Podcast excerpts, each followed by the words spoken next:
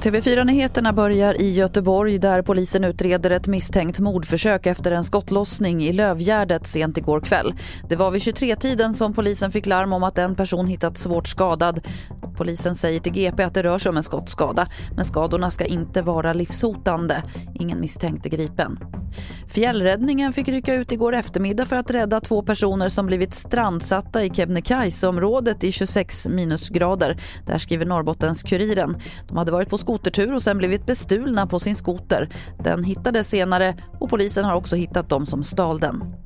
Igår kom beskedet att junior-VM i ishockey ställs in efter att flera lag drabbats av covidfall. Sanny Lindström är hockeyexpert på TV4 och Simor. Eh, överraskad på ett sätt, men i de här tiderna har man lärt sig att man vet absolut ingenting. Men jag lider med spelare och ledare som har sett fram emot det här under så lång tid. Och fler nyheter finns på tv4.se. Jag heter Lotta Wall.